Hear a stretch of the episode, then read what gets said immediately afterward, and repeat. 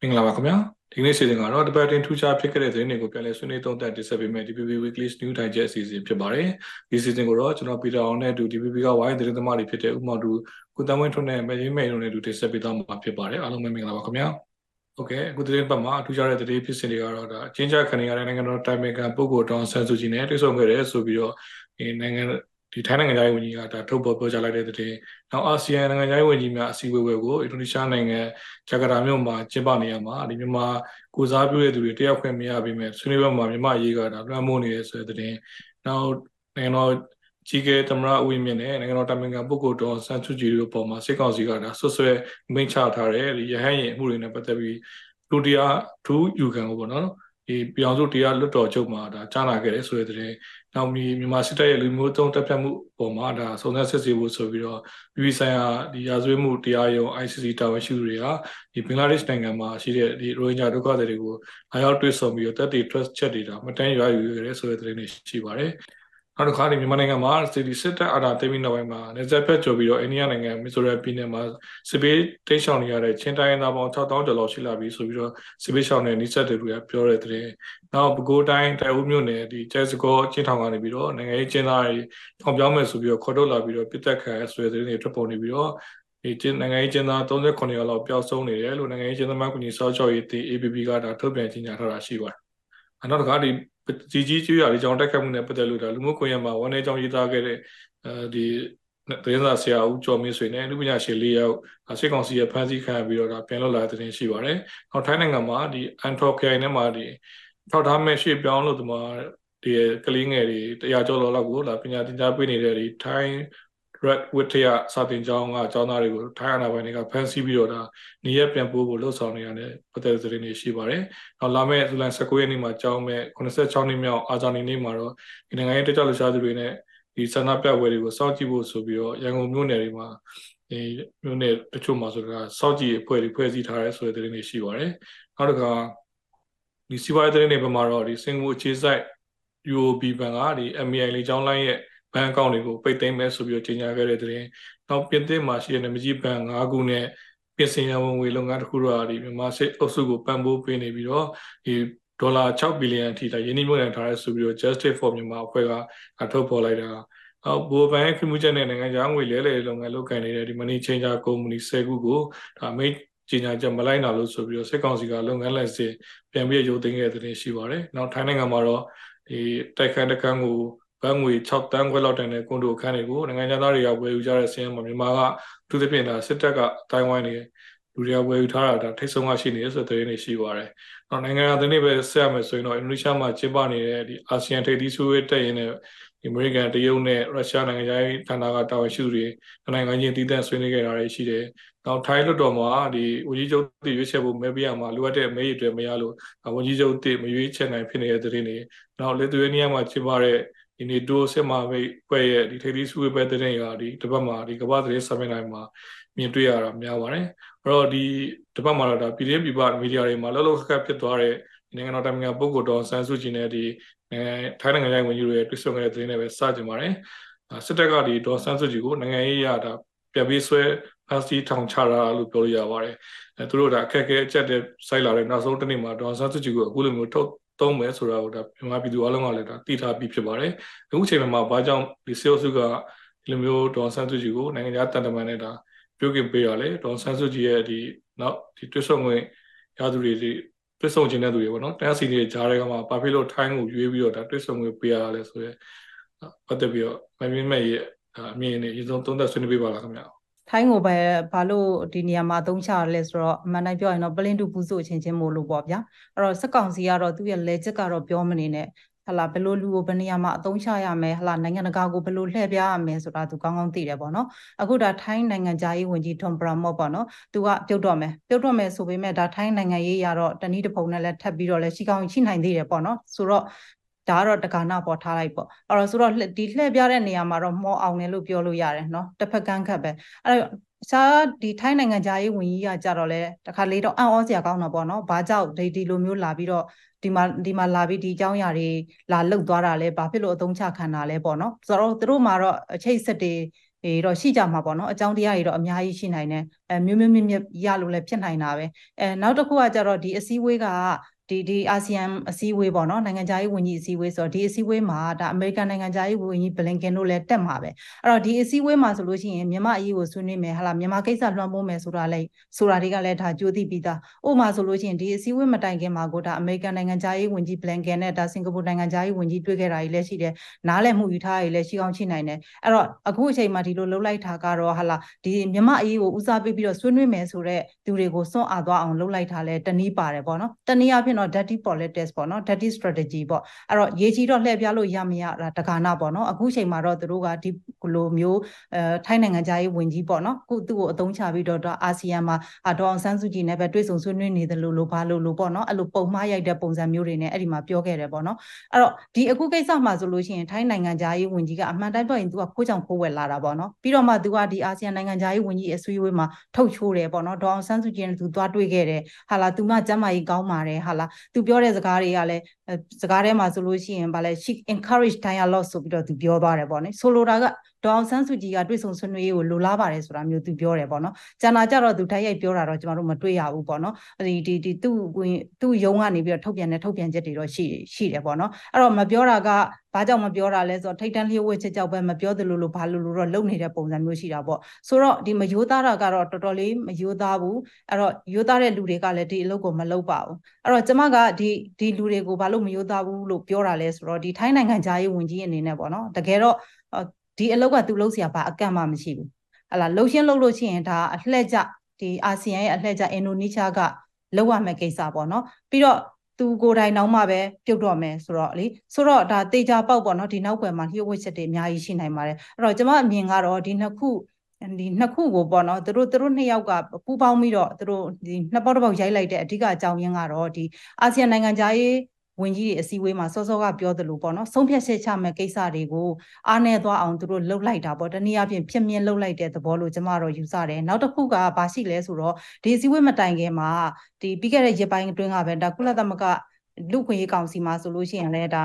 အစည်းအဝေးတွေစတိုက်လုပ်ခဲ့တာရှိတယ်ပေါ့နော်ဒါ14ရက်နေ့မနေ့ပြန်မှာပြီးမှာပြီးခဲ့တဲ့ဒါဇူလိုင်လ6ရက်နေ့ကတော့ဒီမြန်မာနိုင်ငံနဲ့ပတ်သက်တဲ့အကြောင်းအရာတွေကိုဆွေးနွေးခဲ့တာပေါ့နော်ဆွေးနွေးတဲ့အခါမှာဒီကုလသမဂ္ဂမဟာ မဟာမင်းကြီးပေါ့နော်လူခွင့်ရေးမဟာမင်းကြီးကလည်း report တင်တယ်နောက်ကုလသမဂ္ဂရဲ့အတွင်း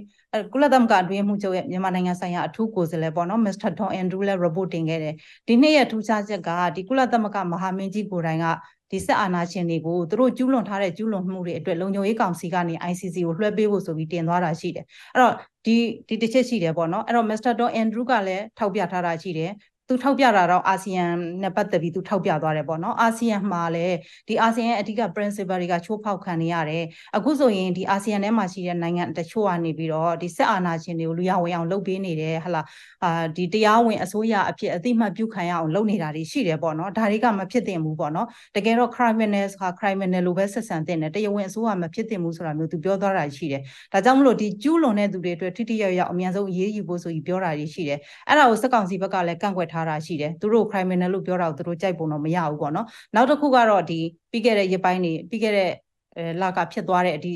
ဘန်နှစ်ခုဘန်နှစ်ခုပေါ့နော်အစိုးရဘန်နှစ်ခုစံချချခံရတဲ့ကိစ္စတွေရှိတယ်ဆိုတော့သူ့မှာအကြက်တဲတော်တော်စိုက်နေတဲ့အနေအထားရှိတယ်အဲ့တော့ဒီတစ်ခါမှလည်းအာဆီယံကထပ်ပြီးတော့ PR တွေပေးလာမယ်ဆိုတဲ့အပိုင်းမှာသူတို့ကထိုင်းနဲ့လဝါချင်းရိုက်လိုက်ပြီးတော့ပေါ့နော်အခုဒါထိုင်းကလည်းစစ်အစိုးရအိုးစစ်အစိုးရဆိုတော့လဝါချင်းရိုက်လိုက်ပြီးတော့ဒီအကြက်တဲကိုတမျိုးတစ်ပုံနဲ့ထွက်ပေါက်ချတယ်လို့မြင်ပါတယ် ကိုဗီတာနောက်တစ်ခါဒီဒေါ်ဆန်းစုကြည်လက်ရှိမြန်မာနိုင်ငံရေးမှာရေးမပါတော့ဆိုပြီးတော့မြန်မာရေးဒါကျွမ်းကျင်နေဆိုတဲ့လူတွေကဒါမီဒီယာတွေမှာပြောဆိုတော့နောက်ကမ္ဘာမီဒီယာတွေမှာရေးသားနေတာလည်းကျွန်တော်တို့တွေ့ပါတယ်။ဒါပေမဲ့ဒီဒေါ်ဆန်းစုကြည်သတင်းထွက်လာတာနဲ့ဒီ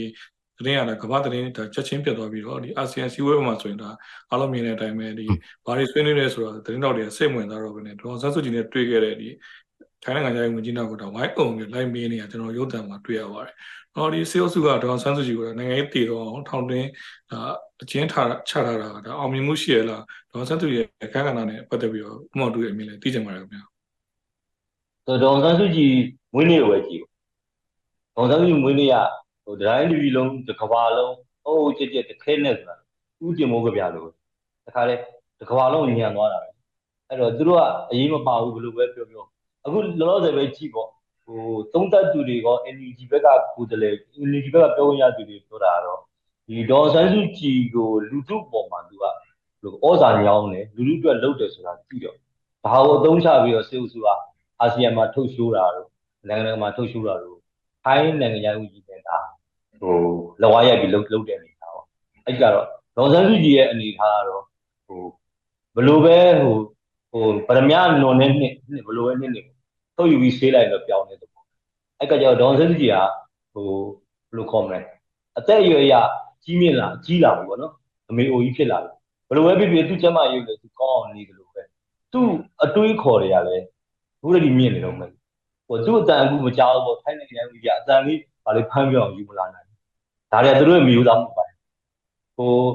ဇော်ပြောခွင့်ရသူပေါ့ဇော်မဲလုံးဇော်မဲလုံးပြောကြတယ်အဘိုးကျဇော်မဲထုံးကလည်း အတော်ဆန်းစီကဒီလိုဖြစ်ပါတယ်ကျွန်တော်တို့ကအဲ့ဒါမသိအောင်အဲကျွန်တော်တို့ဒီထောင်ထဲမှာတာမန်ထောင်သားတော်မှာအတန်ဖန်းဆက်တို့ပါလို့ပိုးပြီးသူတို့ဖမ်းတာပဲဟိုမှာမလာခင်ကတည်းကသိတယ်ကိစ္စသူတို့ဘာမသိရရှိတယ်ဒေါ်ဆန်းစုကြည်နဲ့ဘာပြောခဲ့ဆိုတော့သူတို့ကြားတယ်သူတို့ဒါလုပ်နေရလုပ်ပဲအဲ့ကကြတော့ဒေါ်ဆန်းစုကြည်လည်းဘာပြောခဲ့တယ်မကြည့်ဘူးဆိုတာမျိုးဒါဒေါ်ဆန်းစုကြည်ကတကယ်ကိုလိုအပ်နေတယ်လို့ဘာပြည်သူကမြန်မာပြည်သူကြိုက်လို့ဒေါ်ဆန်းစုကြည်ဖြစ်တာလေဒေါ်ဆန်းစုကြည်ကမြန်မာပြည်သူရဲ့အကြိုက်ကိုလက်လွတ်တာ မြန်မာပြည်သူအကျိုးကိုလုပ်လို့သာဒေါ်ဆန်းစုကြည်မြန်မာပြည်သူကကြိုက်တာအဲ့ကကြတော့ဒီသူ့ရဲ့မွေးနေ့ကိုကြည့်အခုသူတဲ့ဖြစ်လာတဲ့အခါမှာကဘာသတင်းတွေဖြစ်သွားတာကိုကြည့်ပေါ့နော်ဒေါ်ဆန်းစုကြည်ကပြည်သူနဲ့ဆန့်ကျင်ပြီးဘယ်တော့မှမလုပ်ဘူးအားလုံးဒိုင်းပြည်လုံးအတွက်ပဲလုပ်ဒိုင်းပြည်လုံးအတွက်လည်းမကောင်းဘူးသူ့သူပြောတာအာရှအတွက်ကဘာကြီးအတွက်မှာတကယ်ကောင်းဆောင်ဖြစ်နိုင်တယ်ပြောနေကြတာပေါ့ဒေါ်ဆန်းစုကြည်ရဲ့အဆင့်ကတော့အဲ့ဒီအဆင့်လောက်ရှိပါတယ်ခင်ဗျဟုတ်ကဲ့ပါအခုဒါ ကိုတို့ပြောသွားတဲ့ဒေါ်ဆန်းစုကြည်တည်ရဲ့နောက်ဂျကာတာမှာလက်ရှိတာချင်းမြန်မာနိုင်ငံမပါဘဲနဲ့ကျင်းပနေတဲ့အာဆီယံနိုင်ငံသားဝင်ကြီးအစည်းအဝေးပွဲနဲ့နောက်အင်အားကြီးနိုင်ငံတွေဒီဟာဒီနိုင်ငံသားရေးတာဝန်ရှိသူတွေတက်ရောက်နေတဲ့ပတ်သက်ပြီးတော့ဒါဆက်ဆက်ပြီးတော့ဒါကိုသမတို့ရဲ့အမြင်လဲဒါသိချင်ပါတယ်ခင်ဗျာဒီဆွေးနွေးပွဲနဲ့ပတ်သက်ပြီးအာဆီယံနိုင်ငံသားရေးဝန်ကြီးအတွက်အစည်းအဝေးကအခုလောလောဆယ်ဒီဂျကာတာမှာလုပ်တဲ့အစည်းအဝေးကအာကျွန်တော်တို့တွေ့တာ EU ကတက်တာတွေ့တယ်ဒီတရုတ်လည်းတက်တာတွေ့တယ်နော်ဒီ America က Blinken American နိုင်ငံသားရေးဝန်ကြီးတက်တာတွေ့တယ်အဲ့တော့ အဲ့ဒီမှာမြန်မာအရေးကိစ္စမှာကဒီအာဆီယံနိုင်ငံမြန်မာနိုင်ငံကိုတင်းတင်းမာမာရေးယူဖို့ကိစ္စကအာဆီယံနိုင်ငံတွေကြားမှာနှစ်ပိုင်းကွဲနေတယ်ဆိုပြီးတော့လည်းတန်တမန်သတင်းတွေမှာတွေ့ရတယ်။နှစ်ပိုင်းကွဲတဲ့ကိစ္စကအဲတပိုင်းကွဲတဲ့ကိစ္စရှိတယ်ပေါ့နော်။နောက်ပြီးတော့ဒီဒီအာဆီယံ အဲအစည်းအဝေးပြင်ကိုဒီတရုတ်နဲ့ဒီအမေရိကန်ရဲ့ဒါကတော့ခန်းဆက်ဇာလန်ပေါ့လေတရုတ်နဲ့အမေရိကန်နိုင်ငံသားဝန်ကြီးတွေတွေ့ကြတယ်အဲအဲ့ဒါတွေ့တယ်သို့တော့နောက်ကွယ်မှာဒီတရုတ်နဲ့ဒီဒီပင်တောင်တရုတ်ပင်လယ်ကဒီဟိုအတင်းမာမှုတွေပြီးတော့ဈေးချက်ထမှုကိစ္စတွေကိစ္စအပါဝင်ပေါ့နော်ဒီတရုတ်အဲ American အပြိုင်မှုကြရက်ကလည်းအာဆီယံထဲမှာလည်းရှိနေတာကိုတွေ့ရတယ်ပေါ့နော်အာဆီယံနိုင်ငံတွေကဆိုတော့မြန်မာနိုင်ငံနဲ့ပတ်သက်ပြီးတော့အခု ဒီအာဆီယံအတွင်းမှုကျုပ်နဲ့ဒီအာဆီယံဥက္ကဋ္ဌနိုင်ငံကနေပြီးတော့ချိန်ညာချက်ထုတ်တဲ့အခါမှာကျွန်တော်တို့တွေ့ strongly condemn ပေါ့နော်ဒီအာဆီယံနိုင်ငံတွေကနေပြီးတော့ဒီအကြမ်းဖက်မှုတွေအကြမ်းဖက်မှုတွေရဲ့နောက်လေကြောင်းတိုက်ခိုက်မှုတွေတော့သူတုံးသွားတယ်နော်လေကြောင်းတိုက်ခိုက်မှုတွေဒီတော့လက်နက်ကြီးတွေဘုံကျဲတိုက်ခိုက်နေတဲ့ကိစ္စတွေကိုဒီ strongly condemn ပြင်းပြင်းထန်ထန်ရှုတ်ချတယ်ဆိုရပြီးတော့ဒီတုံးသွားတာတွေ့တယ် အဲ့ဒီပြင်ကိုဒီဒီတာလမန်သတင်းတွေရဆိုလို့ရှိရင်ဒီအာဆီယံအာဥက္ကဋ္ဌနိုင်ငံဒီအင်ဒိုနီးရှားနဲ့ဒီမလေးရှားဆိုတော့တော်တော်ပြင်းပြင်းထန်ထန်ကန့်ကွက်တာတွေ့တယ်စင်ကာပူကလည်းတော်တော်ပြင်းပြင်းထန်ကန့်ကွက်တယ်အဲ့ဒီအာအဲ့ဒီမှာဘာကွာဘာကွာသွားလဲဆိုတော့ဒီအင်ဒိုနီးရှားနိုင်ငံဂျာရေးဟိုမှာဒီမှာဆိုလို့ရှိရင်တော့ဒီဒီနိုင်ငံတကာတန်တမန်အတိုင်းဝိုင်းမှာဆိုလို့ရှိရင်ပြောနေကြတာကဒီမြန်မာထိုင်ကုန်လွှတ်ထားတယ်မှန်တယ်မြန်မာထိုင်ကုန်လွှတ်ထားတဲ့နေရာမှာ NUG နဲ့အခုတွေ့ဆုံဆွေးနွေးနေတဲ့မြန်မာပြည်ကမျိုး နော်ဒီဟိုလူလူထောက်ခံတဲ့အစိုးရ NUG ကိုခုံအဲ့ခုံနေရာမှာထိုင်ခိုင်းမှလို့မဆိုလို့တွတ်တော့ NUG ကိုဒီအစည်းအဝေးမှာအာဆီယံလို့အစည်းအဝေးမျိုးမှာဖိတ်တဲ့နေဆိုတော့ပြောဆိုမှုတွေပေါ့နော်အဲ့ဒါတွေလည်းတိုးနေတယ်တိုးနေတယ်အဲ့ဒီပြင်ကိုအဲ့ဒီမှာနောက်အုပ်စုဟိုကွဲသွားစရာရှိတယ်။အဲမလေးရှားဆိုတော့တော်တော်ပြင်းပြင်းထန်ထန်ပြောတယ်။နောက်စင်ကာပူစင်ကာပူဆိုလို့ရှိရင်လည်းကိုဒီဆိုရနဲ့ပတ်သက်တဲ့ဒီဗန်ရေးယူပိတ်ဆို့မှုတွေတော်တော်ပြင်းပြင်းထန်ထန်အာလိုက်လိုက်နာလာတယ်ပေါ့လေ။နောက် ဒီ American ဒီ treasury ကရေးယူပိတ်ဆို့မှုတွေနောက်ကုလသမဂ္ဂထောက်ပြတဲ့ကိစ္စတွေပေါ့နော်ဒီဆက်လက်နဲ့ဆက်ဆက်ပစ္စည်းတွေ non lethal လို့ပြောတော့လည်းပဲစစ်တပ်ကတင်ပို့နေတဲ့ပစ္စည်းတွေစင်ကာပူနဲ့မကင်းရမကင်းကြောင်းဖြစ်တဲ့ဟာတွေသူတို့လိုက်ပြီးတော့ပိတ်ဆို့နေတာပေါ့နော်နောက်ဆက်တွဲဖြစ်လာနိုင်တာကထိုင်းကဘန်တွေပေါ့နော်ထိုင်းကဘန်တွေဆိုလို့ရှိရင်အခုအခုစောစောကွန်ပျူတာပြောရမှာကျွန်တော်တို့ကြားလိုက်တဲ့အထင်နဲ့ဒီထိုင်းမှာဒီစစ်အစိုးရနဲ့ဆက်နေတဲ့သူတွေကုမ္ပဏီတွေနောက်အခုဟိုကွန်ဒိုတွေဝယ်ပြီးတော့ထိုင်းမှာကုမ္ပဏီတွေထောင်နေဗျာထိုင်းနိုင်ငံသား ထိုင်းနိုင်ငံသားပါစရာမလိုပဲနဲ့ပေါ့နော်ထိုင်းမှာကုမ္ပဏီထောင်ပြီးတော့ထိုင်းနိုင်ငံကိုတင်သွင်းတာမဟုတ်ဘူးနော်ထိုင်းနိုင်ငံကိုတင်သွင်းတာမဟုတ်ဘဲနဲ့ထိုင်းနိုင်ငံကိုဖြတ်ပြီးတော့မြန်မာနိုင်ငံကိုတင်သွင်းတဲ့အခါမှာသူတို့စီကံတွေကနည်းနည်းရော့ရဲတာတွေရှိတယ်အဲ့တော့ထိုင်းမှာလည်းအဲ့လိုပြဿနာတွေဆက်ပြီးတော့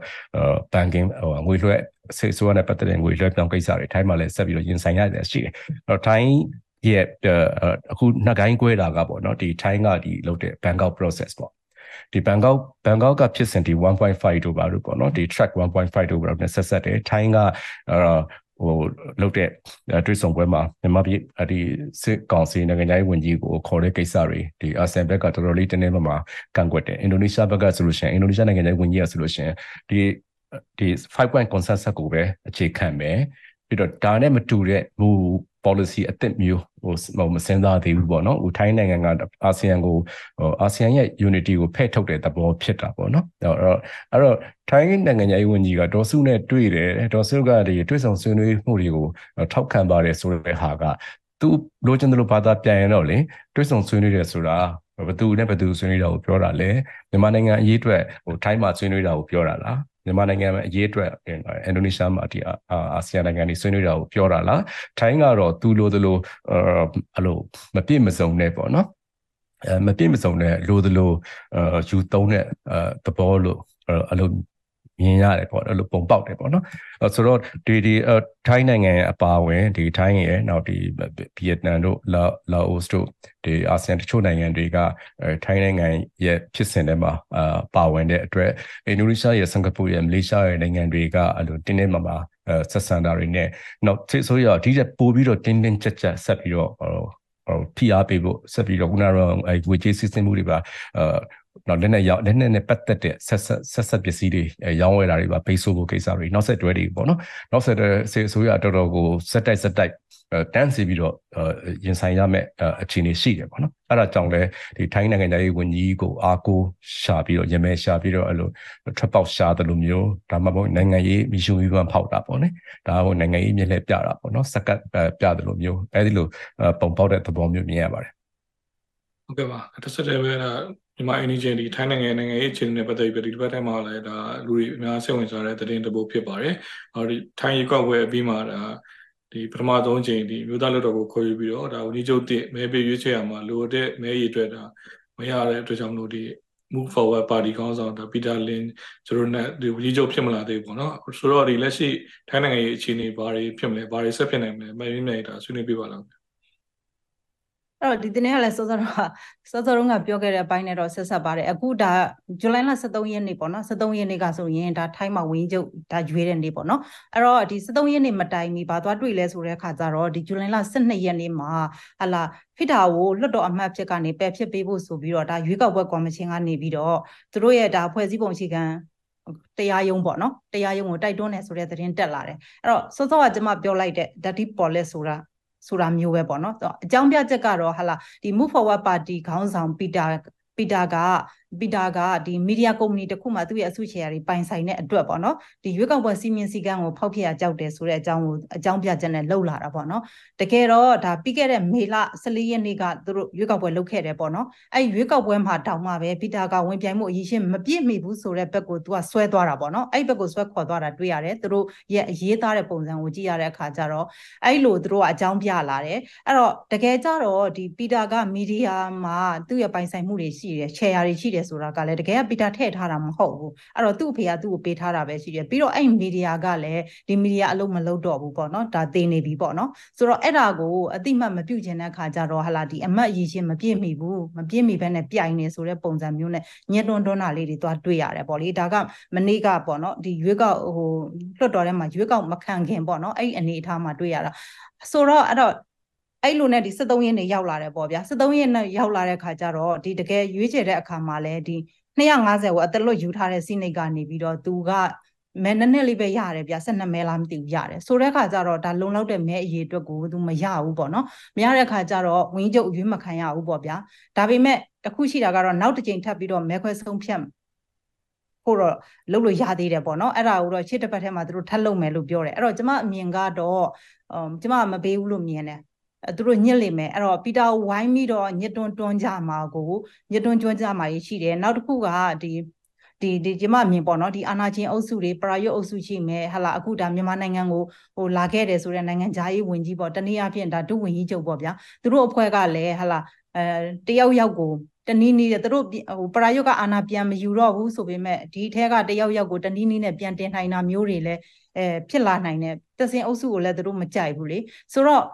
ဒီအပိုင်းကတော့ဒါတိုင်းတိုင်းပြည်ကနေဆုံးဖြတ်ရမယ့်အပိုင်းရောက်လာပြီเนาะသူတို့ရွေးချယ်ထားတဲ့သူကိုမဲမပေးဘူးဆိုလို့ရှိရင်သူတို့ဘာလုပ်မလဲပေါ့အခုလဲဒါဆန္ဒပြတာတွေဘာတွေဖြစ်နေပြီပေါ့เนาะကျမတို့သတင်းတွေထဲမှာအဲစုဝေးတာတွေစုဝေးဆန္ဒပြတာတွေဘာတွေတောင်းဆိုတာတွေဘာတွေရှိနေကြပြီပေါ့เนาะဥပမာဆိုလို့ရှိရင်ဘန်ကောက်လိုနေရာမျိုးမှာပီတာ33နေရာပြိုင်တာမှာ32နေရာ2နေရာရထားတယ်ဗျအဲ့တော့ဒီရဲ့ပိုင်းမှာဆိုရင်ဘန်ကောက်မှာတော့သူတို့လုံယုံရေးတွေချထားတယ်လို့ပြောတယ်ပေါ့เนาะအဲ့ဒီအတွက်ဒီ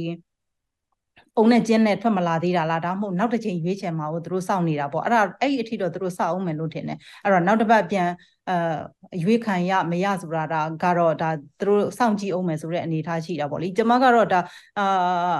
ပီတာရဲ့နိုင်ငံကျမအမြင်ပေါ့နော် journalist တယောက်အနေနဲ့အမြင်ကတော့ဒီပီတာရဲ့နိုင်ငံရေးလောကဒန်ကြမ်းမယ်လို့ကျမထင်နေတယ်ဟိုသူ့ကိုဒုက္ခပေးမှာကအဲ့ဒီစာဖာကြီးတွေပေါ့နော်အကြီးကြီးဝိုင်းအကြီးကြီးတွေဝိုင်းပြီးတော့ဒုက္ခပေးကြမှာဒီလူကြီးတွေကနေပြီးတော့အဲ့တော့နောက်တစ်ခုကကြတော့ဟိုတရားတွေဘာတွေတောင်ဆွဲခံရနိုင်တယ်ဆိုတာမျိုးရေးကြပြောကြ ပြောနေတာလဲတွေ့တာပေါ့လေအဲ့တော့ဒီနေရာမှာကအာနာသိန်းတာတွေကအော်ဖြစ်နိုင်လားမဖြစ်နိုင်ဘူးလားဆိုတဲ့မေးခွန်းတွေလည်းရှိတယ်ဟလာသိန်းစရာမလိုအောင်35ရာခိုင်နှုန်းယူထားတာလည်းရှိတယ်အဲ့ဒီအတွက်စိတ်နှိမ်မှာ250ရထားတယ်ပေါ့နော်အဲ့တော့ဒီပလာယုတ်ပလာယုတ်ကလည်း तू ကဘလောက်လူကြိုက်နေလဲဆိုတော့အဲ့လို250ယူထားတာတော့မှပဲနိုင်အောင်အဖက်ဆယ်လို့မရဘူးဖြစ်နေတယ်ဆိုတော့အဲ့နောက်တစ်ခုကဒီ ဒီ250ကိစ္စကလည်းဒါမြန်မာနိုင်ငံနဲ့ဆက်ဆက်တယ်လို့ပြောရမှာပေါ့နော်ဒါ2014ခုနှစ်တုန်းကဆိုလို့ရှိရင်ဒါမြန်မာနိုင်ငံကိုလာသွားတယ်ဒီကနေပြန်တဲ့အချိန်မှာအာနာသိန်းတယ်ပြီးတော့မှဒီစစ်တပ်ကဗိုလ်ချုပ်တွေဦးဆောင်တဲ့ဒီ National Council for Peace and Order ဆိုတဲ့သူတို့ဟို NCPO ဆိုတဲ့အဖွဲ့ကိုသူတို့ဖွဲ့လိုက်တယ်အဲပြီးတော့မှတခါ2016မှာဖွဲ့စည်းပုံအခြေခံဥပဒေကိုပြင်ရေးဆွဲပြီးတော့ဒီပြည်သူ့ဆန္ဒခံယူပွဲလုပ်တယ်ပြောတယ် ပြီးတဲ့အခါကျတော့လေဒီဖွဲ့စည်းပုံအခြေခံဥပဒေကိုဝေဖန်ခွင့်မရှိတာတို့ဘာလို့သူထုတ်ပြန်ခဲ့သေးတယ်ဆိုတော့အဲ့ဒီအဲ့ဒီလိုလုတ်တဲ့ထုံးစံအတိုင်းပေါ့နော်သူတို့လုတ်ခဲ့တဲ့အခါကျတော့ပြည်သူတွေကတော့မကျေနပ်ကြဘူးပေါ့နော်မကျေနပ်ကြလို့လည်းအဲ့ဒီတော့ဆန္ဒပြတာတွေဖြစ်ခဲ့သေးတယ်အဖမ်းခံရတာတွေလည်းရှိလိုက်သေးတယ်ဒါပေမဲ့သူတို့အဲ့ကြားထဲမှာပဲ2019မှာသူတို့ဒီဒီဒီရွေးကောက်ပွဲတွေပါပြန်လုတ်သွားတယ်ပြီးတော့မှသူတို့စိတ်ကြိုက် ရေးဆွဲထားတဲ့ဥပဒေနဲ့သူတို့စိတ်ကြိုက်အာဏာယူခဲ့တယ်ဗျာစိနိတ်က250အလဲတပိတ်ဝင်အိတ်ဝင်မယ်ဆိုတဲ့အခါကျတော့အဲ့တော့ပထမအာဏာသိမ်းတယ်အာဏာသိမ်းပြီးဖွဲ့စည်းပုံအခြေခံဥပဒေကိုပြင်တယ်ပြီးတော့မှဒီအာဏာကိုရသက်ဗန်ထိန်းချုပ်ဖို့လုပ်တယ်ဟလာစစ်တပ်နဲ့ဘရင်နဲ့လောဝချင်းရိုက်ထားပြီးတော့နိုင်ငံရေးကိုကြိုးကင်ရှယ်လဲနေတယ်အဲ့ဒီအပေါ်မှာလူတွေမကျေနပ်ဘူးမကျေနပ်လို့လဲပိတာကိုပုံပြီးတော့မဲပေးတာကြီးလဲဖြစ်နိုင်တယ်ပေါ့နော်တကယ်တော့ကျွန်မနောက်ဆုံးပြောချင်တာကတော့ဟိုဘယ်လိုပြောမလဲ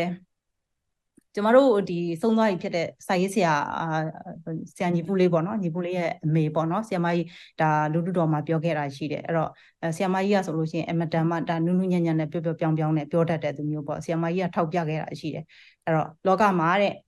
ဒီဘက်အာနာရှင်မှပေါ့နော်အရှင်မထွက်ဘူးတဲ့အသေးပဲထွက်တယ်ဆိုတာမျိုးပေါ့နော်ဆိုလိုတာကတော်လှန်ရေးလိုတယ်ဗျအဲ့တော့တော်လှန်ရေးလုံးမလားမလုပ်ဘူးလားဆိုတာထိုင်းပြည်သူတွေကပဲဆုံးဖြတ်ရမှာမြန်မာပြည်သူတွေကတော့ဆုံးဖြတ်ပြီးသွားပြီကျမတော့အဲ့လိုပဲမြင်တယ် ပြပါဒါတော့ထိုင်းသတင်းပြီးတော့ပြည်တွင်းမှာဒေါ်လာရေးလုံးနေတဲ့သတင်းတွေကျွန်တော်ဆက်ချင်ပါတယ်အထူးသဖြင့်တိုင်းသားဒေသတွေမှာဒီကချင်ပြည်နယ်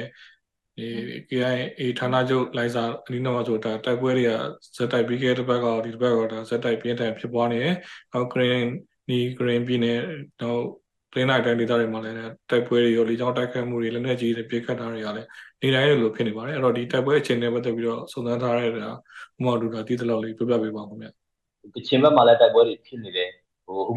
ဟိုကရင်သတင်းကရဏီသတင်းပေါ့နော်ကြားသတင်းပြောမယ်ဆိုရင်လည်း TNL တဲ့တော့မှတိုက်ပွဲဖြစ်တယ်ပေါ့နော်ကုတ်ခိုင်ဘက်မှာဆိုတော့အဲ့အဲ့လိုမျိုးအဲ့ဘက်မှာဖြစ်နေတယ်လို့ဟိုစကိုင်းလိုဘက်မှာဖြစ်နေတယ်လို့ပေါ့လေဒီကရင်ပြည်နယ်ကရင် KU ဒေသတွေနဲ့ဒီကရင်နီဒေသလို့ခေါ်တယ်ပေါ့နော်ဒီရှမ်းဆက်ပြားပြည်နယ်ဒီဒေသတွေ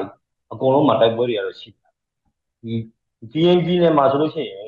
ဒီနေ့အထိတိုက်ပွဲတွေဖြစ်နေတယ် ကြာအင်းစိတ်ကြီးမြို့နယ်မြောက်ကြီးနဲ့ဆိုလို့ရှိရင်မိုင်နေနဲ့ပဲဝေးတော့နေရာကြီးကိုတိုက်ပွဲတွေကဖြစ်နေတာဘုရားကြီးလည်းဆိုင်ထားတာပေါ့နော်ဆိုတော့စစ်စစ်ကူတွေ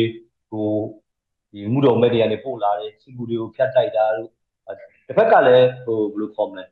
စစ်ပြည်တွင်းပြည်သူချင်းချင်းကိုပြည်တွင်းတိုက်ပွဲကိုဒီပြန်နေမတရားသုံးတယ်ဒီပြန်နေသုံးတယ်ရဟတ်ရင်တွေပေါ်ကနေပြီးတော့ဟိုဆက်လက်နဲ့ပြစ်တယ် အဲ့လိုမျိုးတွေကလည်းကရင်မောင်ပြည်နယ်မှာအများကြီးတွေ့နေရတယ်အကင်းပြည်နယ်တက်မှာ6ဒေသမှာဆိုရင်ဒါကြာရင်စိတ်ကြီးကြိုက်တုံမြို့နယ်ပေါ့နော်ပိုတော့ကြိုက်တုံရွာကြီးအခုကတော့မြို့နယ်ဖြစ်သွားပြီဒီမြောက်ဒီမြို့နယ်တွေမှာတိုက်ပွဲတွေကပြင်းထန်နေတယ်12ရက်နေ့တည်းကဇူလိုင်12တည်းကစခဲ့တယ်ပေါ့12 13 14ဖြစ်နေတယ်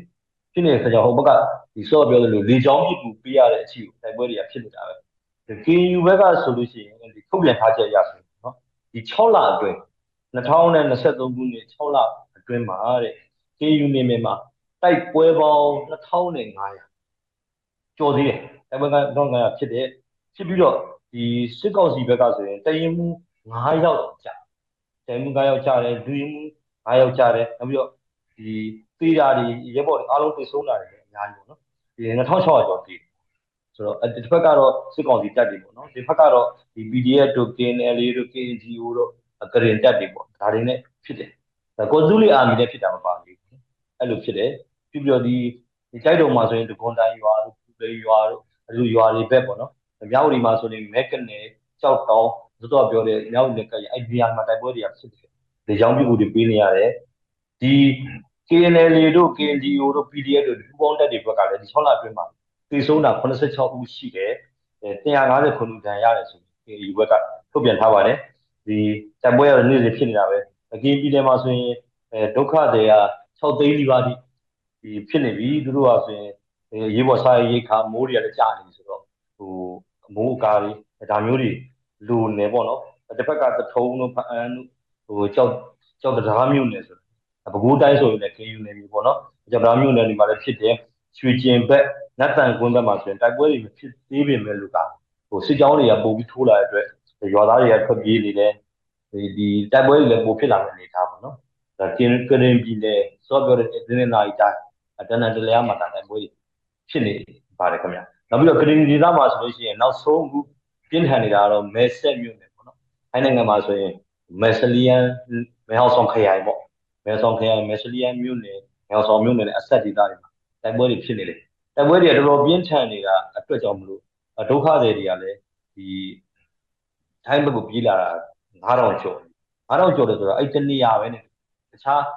တစ်ဖက် BB14 ဘက်မှာလည်းရှိနေသေးတယ်ပေါ့ငကိုရှိရင်ဆိုတင်ဒီဒုက္ခတွေရရှိတယ်သူကပုံများလာတယ်ပေါ့နော်ဟုတ်ကဲ့ဒါမြန်မာနိုင်ငံသတင်းတွေပြီးရင်တော့မှဒီကမ္ဘာသတင်းတွေဘက်မှာဘာတွေထူးခြားရှိလဲဆိုတာကိုတမ်းထွက်ဆက်ပြီးတော့ပြပြပေးပါလားခင်ဗျာဟုတ်ကဲ့အဲ့ဒါဆိုရင်ကျွန်တော်ခုစတဲ့ပြောရရင်နိုင်ငံနိုင်ငံတကာသတင်းတွေပေါ့နော်နိုင်ငံတကာသတင်းမှာတော့တကဘာလုံးနဲ့အဲ ဆိုင်တဲ့သတင်းကတော့ဟိုဖြစ်မယ်နော်ယူကရိန်းယူကရိန်းရုရှားစစ်ပွဲနောက်ဆက်တွဲသတင်းဖြစ်မယ်အဲယူကရိန်းရုရှားနောက်ဆက်တွဲသတင်းအနေနဲ့ဆိုရင်ကျွန်တော် NATO ထိပ်သီး NATO NATO အဲ့ထိပ်သီးစီဝေးပွဲပေါ့နော်ဒီ American သမ္မတ Biden မှာရောက်နေတယ်ထိပ်သီးစီဝေးပွဲအခု Lithuania မှာပေါ့နော် Lithuania မှာအာတော့လုပ်တဲ့ meeting မှာပေါ့နော်အဲ့ meeting ကဒီထူးခြားတာကတော့ဒီ NATO ရဲ့အခုပြီးခဲ့တဲ့ရက်ပိုင်းမှာပဲเนาะဒီ NATO ရဲ့နောက်ဆုံးနောက်ဆုံး member ပေါ့နော်နောက်ဆုံးအဖွဲ့ဝင် Sweden အဲ Sweden လည်း NATO လည်းပါသွားပြီဆိုတော့နောက်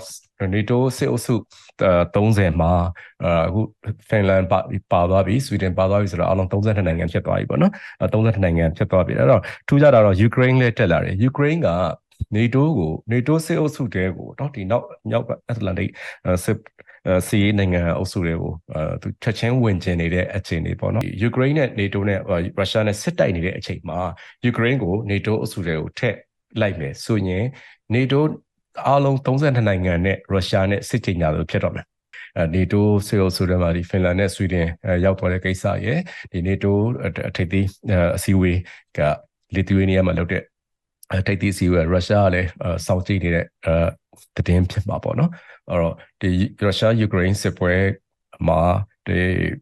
ဘယ်လိုနိုင်ငံနိုင်ငံရေးတွဲဆောင်ဆွေးနွေးပွဲကိုမရောက်ခင်မှာစီးရေးရအာစီးရေးရပေါ်တော့ယူကရိန်းကလည်းဟိုတစုံတစ်ခုအဆင့်ထိတန်ပြန်နိုင်တဲ့အခြေအနေအဲမကြခင်အဲမြင်ရဖို့ရှိတယ်ပေါ့နော်အဲ့ဒီအဲ့ဒါတွေပြီးတော့မှပဲအားလုံးပြီးတော့မှပဲဒီနေ့အာနေတိုးဆေးအုပ်စုတွေကိုယူကရိန်းဝင်နိုင်ဖို့အတွက်ထပ်ပြီးတော့ဆွေးနွေးကြမယ်လို့ထင်ပါတယ် ဟုတ်ကဲ့ပါလာမယ့်သတင်းပတ်တွေမှာလည်းမြန်မာနဲ့ကမ္ဘာမှာအချိန်နဲ့များဖြစ်ပျက်နေတဲ့သတင်းတွေပတ်သက်ပြီးတော့ဆက်လက်ဆွေးနွေးဖို့ရှိတဲ့အကြောင်းပြောပြရနေပဲဒီ season ကိုဆုံးသက်လိုက်ပါစီခင်ဗျာဒီ season မှာပေါင်းဆွေးနွေးပေးကြတဲ့ဒါ DB1 ဆိုအားလုံးကိုရောချီရွာပေးကြတဲ့ DB ပြည်သက်တွေအားလုံးကိုလည်းကျေးဇူးတင်ရှိပါတယ်ခင်ဗျာ